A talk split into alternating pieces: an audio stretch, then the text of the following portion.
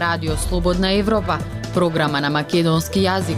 Од студиото во Скопје, Марија Митевска. Почитувани во вестите ке слушате. Советот на јавни обвинители одби жалбата за суспензијата на обвинителката Вилма Русковска. Небезбедно и споро патување на застарени пруги е сликата за македонските возови. Ние и досега штедиме и без владата да ни каже, велат анкетираните граѓани, за препораките за намалување на потрошувачката на струја. Останете со нас. Независни вести и анализи за иднината на Македонија. На Радио Слободна Европа и слободнаевропа.мк. На затворена седница членовите на Советот на јавни обвинители ја одбија жалбата на шефицата на обвинителството за организиран криминал Вилма Руцковска за незината суспензија со 8 гласа за. Со тоа незината суспензија останува во сила до одлуката за кривичната пријава против неа. Прилог на Пелагија Стојанчова. Ниту еден обвинител од Советот на јавни обвинители не застана на страната на обвинителката Вилма Русковска, која до Советот се пожали за незината суспензија. По затворената седница, осум членови јавно едногласно гласа жалбата да биде отфрлена, односно Русковска да остане оддалечена од работа. Советот треба да има 11 членови, но двајца се пензионирани, а републичкиот обвинител Љубомир Јовески, кој по должност е член на Советот, не присуствуваше на седницата поради конфликт на интереси. През Председателот на Советот на јавни обвинители Антонио Јолевски вели дека одлуката била тешка, оти ретко имаат вакви случаи. Тешка одлука беше во секој случај, сепак не доаѓа од една страна основен нејавен обвинител кој треба да гони организиран криминал и корупција, од друга страна имаме јавен обвинител не со работката меѓу основниот јавен обвинител за гонење на организиран криминал и корупција со несоработката со јавниот обвинител доведе до овие непријатни состојби. Вели Јолевски. Русковска ќе биде суспендирана додека се води кривичната постапка за незиното постапување при претресот во финансиска полиција поднесена од Арафат Муареми. Но суспензијата ќе трае и додека незиното обвинителство води постапка по пријавата за нерегуларности во управата за финансиска полиција за да не влие на предметот. Јовески на 16 август ја суспендираше Русковска и поднесе предлог за поведување на дисциплинска постапка за утврдување на нејзината одговорност и на уште две обвинителки за кои постои сомнение дека намерно и неоправдано направиле крупна професионална грешка со што сториле тешка дисциплинска повреда при претресот во финансиска полиција извршен на 18 јули. Првиот човек на Советот на обвинители вели дека Јовески не добил информација за се што се случувало во врска со претресот во финансиска полиција, ниту за доказите. А во вакви случаи кои побудуваат интерес во јавноста и во кои има судир меѓу две институции, во случајот финансиска полиција обвинителството на Русковска, таа требало да го извести Јовески за да има координација во работењето, но без тој да и се меша во видот на одлуката. Кога Русковски ја поднесе жалбата до Советот на јавни обвинители, рече дека не е суспендирана само таа, туку и правот и правдата во земјата. Јолевски се надева дека низината суспензија ќе трае кратко. И ние сакаме што поврзо да се заврши, сепак се работи за наш колега, испаја сега како да го казнуваме колега кој работи. Не сакаме така да, да, да, да испадне да звучи дека ние ги острануваме сите оние кои работат. Туку да елиминираме делот на сомнеш дека некој не врши влијание. Вели Јолевски. Јавните обвинители одлучуваа само за суспензијата. Во меѓувреме си тече дисциплинската постапка против Русковска и против обвинителките Ивана Трајчева и Елизабета Јосифовска. За дисциплинската постапка нема рок во кој комисијата треба да донесе одлука. Радио Слободна Европа, светот на Македонија темни ходници, возови што доцнат растечени плафони, возовите се движат во просек од 50 км на час поради застарената пруга, патувањето е небезбедно, а фирмата е еден од најголемите загубари. Ова е сликата за македонските возови. Повеќе од Владимир Калински. Возот од Скопје до Битола патува од 3 до 5 часа на дестинација од 175 километри. За споредба, од Пекинг до Шангај пругата е долга 1300 км, а патувањето трае 4,5 часа. За 3,5 часа со воз ке поминете 660 км од Париз до Марсеј. Главната железничка станица во Скопје е прецизна слика за состојбите во македонската железница. Темни ходници, возови што доцнат, растечени плафони, затворени повеќе од половина дуќани. На лошите услови, освен патниците, се жалат и вработените. Се возите често со воз? Па се возиме, па ја тука работиме, брате. Ја тука работим. Ке 30 Каква е ситуацијата со возови, со Па, пруга? Па, šta да ти кажем, и пруга не чини, пруга, пруга е катастрофа. Катастрофа. Нема прагови нови, со стари, крпаме, ова, тоа, што? голема катастрофа. Зошто? Но незадоволство од, ни од држава, ни од фирма, ни од директори. Статистичките податоци покажуваат континуирано намалување на патниците во железничкиот сообраќај. Тоа ни го кажа и сообраќајни инженери вработени во македонски железници. Според нивните истражувања, во 1997 година имало над 1,7 милиони превезени патници. Од тогаш таа бројка се намалува и достигнува 540.000 во 2018 година. Возот од Скопје до Битола пред нова година патуваше цели 8 часа. Понекогаш треба да имате среќа и воопшто да дојде. Меѓународни линии нема. ги затворија станиците надоле по за прилеп до Битола, ги затворија станиците, ги оплячка, ги искршија, имаше објекти, ги искршија. Прво делови немаат за машините да најдат.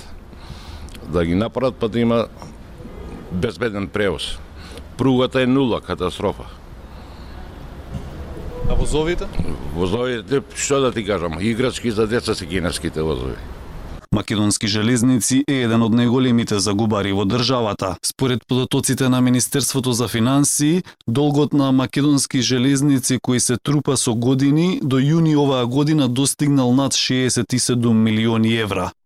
Македонски железници инфраструктура пак должи над 26 милиони евра.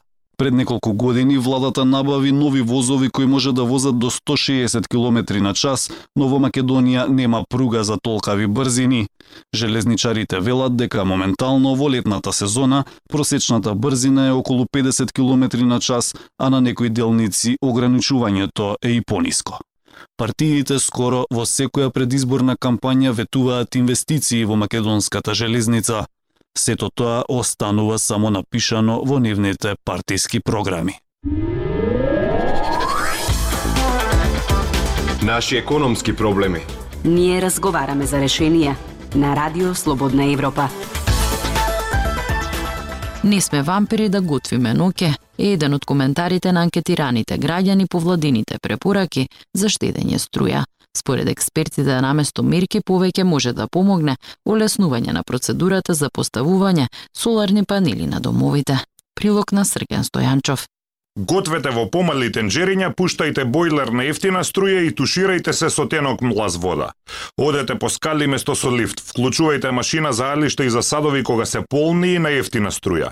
Него вклучувајте фрижидерот на најладно, спуштајте ролетни, ставете изолација и штедливи светилки. Не се ладете под 27 и не се грејте над 20 степени. Ова се препораките на владата до граѓаните за штедење струја. Ние и досега штедиме и без владата да ни каже, велат анкетираните граѓани, ама да одиме пешки до 10 кат или да мрзнеме не можеме. По лифтовите дојде пешки на 8 спрат. Како таа работа има век? Штедиме толку колку што штедиме. Сега навечер не можам како вампир некој да, да, да готвам јадење за другиот ден. На све се штеди, што може, што поќе. Поважни работи, машина, ова тоа, не до. Некои превораки се малце чудни. Македонија не произведува доволно струја за своите потреби, а струјата на европските берзи е 10 пати поскапа од онаа што граѓаните ја плаќаат. Владата затоа донесе мерки за штедење со кои сака да ја намали потрошувачката за 15 од 100. Мерките стапуваат во сила на 1 септември. Професор Константин Димитров вели дека никакви мерки за штедење не може да помогнат, колку што може да помогне сериозно олеснување на процедурата за поставување соларни панели на домовите на граѓаните. Тие и онака веќе се доведени до крај со штедење, вели тој. Да се елиминира оние 10, 12 и колку се документи документација за граѓанин да може да постави сончев колектор на својот дом. Разбирате? Значи, ако тоа се тргне да може веднаш, барем 1000 или 2000 домакинства ќе вложат пари и ќе го намалат притисокот на системот. За институциите нема препораки, туку задолженија. Да не се палат сијалици дења, да се гасат ако во канцелариите нема никој. Администрацијата ќе се лади до 27 степени и ќе се грее до 20. Кому му студи нека си облече елече. Далечинското од климата ќе стои кај шефот зашто ако не штеди ќе биде казнет. Вице премиерот за економски прашања Фатмир Битики се закани дека раководителите на институциите што не штедат струја може и да изгубат работа. Ние мораме да покажеме пример. Јавните институции мора да бидат пример за сите сите други. Совесно искористување на ресурсите мора не само во криза, туку и во нормални услови треба да биде императив на секој еден кој што му е дадена задачата за да води со институцијата. Сепак на зградата на владата се уште не се познава енергетската криза. Барокната фасада е осветлена во различни бои. Нормално се осветлени и спомениците на плоштадот Македонија. Се чини дека мерките за штедење порано стигнаа во паркот Жена Борец наспроти собранието. Питу Гули, основачите на ВМРО, президиумот на Асном и споменикот на паднатите херои за Македонија се во мрак. Актуелности свет на Радио Слободна Европа. За денот на независноста на Украина и 6 месеци од руската инвазија, Радио Слободна Европа разговараше со Јарослав Хрицак, истакнат украински историчар и интелектуалец. На коцка во војната е самото постоење на украинците како нација, вели тој. Со него разговараше Александар Паликот, принесува Гоце Атанасов. На 24 август украинците го слават Денот на независност, голем национален празник со кој се одбележува прогласувањето независност од Советскиот сојуз во 1991 година. Викендот пред државниот празник, оштетените руски воени возила беа изложени на главната улица во Киев, трофеи од војната која се чини дека е далеко од крајот. Во исто време украинските власти воведоа построги безбедносни мерки и предупредија на зголемена можност за воздушни напади врз украинските градови. Во интервју за Радио Слободна Европа, Јарослав Хрицак, истакнат украински историчар и професор, говори за значењето на Денот на независноста и каква цел има Русија во војната против Украина. Две недели по почетокот на инвазијата, Веќе беше јасно дека тоа ќе биде долга војна и дека вистинскиот влог е самото постоење на украинците како нација. Путин сака да ни го одземе правото да имаме независна национална држава и собствена национална култура. Тоа е национална војна исто така, затоа што никој не може да избега од неа. На еден или на друг начин сите ние ќе бидеме погодени од неа и сите ја споделуваме одговорноста да им се спротиставиме на нападачите. вели Хрицак, кој наведува и тоа дека Западот касно сватил за тоа што е Украина и украинците. При тоа тој посочува неколку причини. Првата причина е стариот класичен ориентализам. За многумина на Запад, Источна Европа е диво, екзотично место и таму конфликтот е нешто нормално. Втората причина е што голем дел од западните елити ја гледаат Украина низ призмата на руската империјална историја. Како што убаво кажал британскиот историчар Норман Дейвис, украинците биле прикажувани како руси кои правеле нешто добро и како украинци или националисти кога правеле нешто лошо. Според него неуспехот на руската модернизација ги охрабри западните лидери да гледаат Украина како демократска алтернатива на Русија. Трите децении по падот на Советскиот сојуз покажа дека Украина и Русија се различни не поради јазикот, па дури ни поради културата, туку поради политичките традиции, односно перцепцијата на односот меѓу државата и општеството. Тешко дека можете да замислите победа на лидер како Путин во Украина и победа на револуција како што е Портокаловата или Евромајдан во Русија, вели историчарот Хрицак додавајки.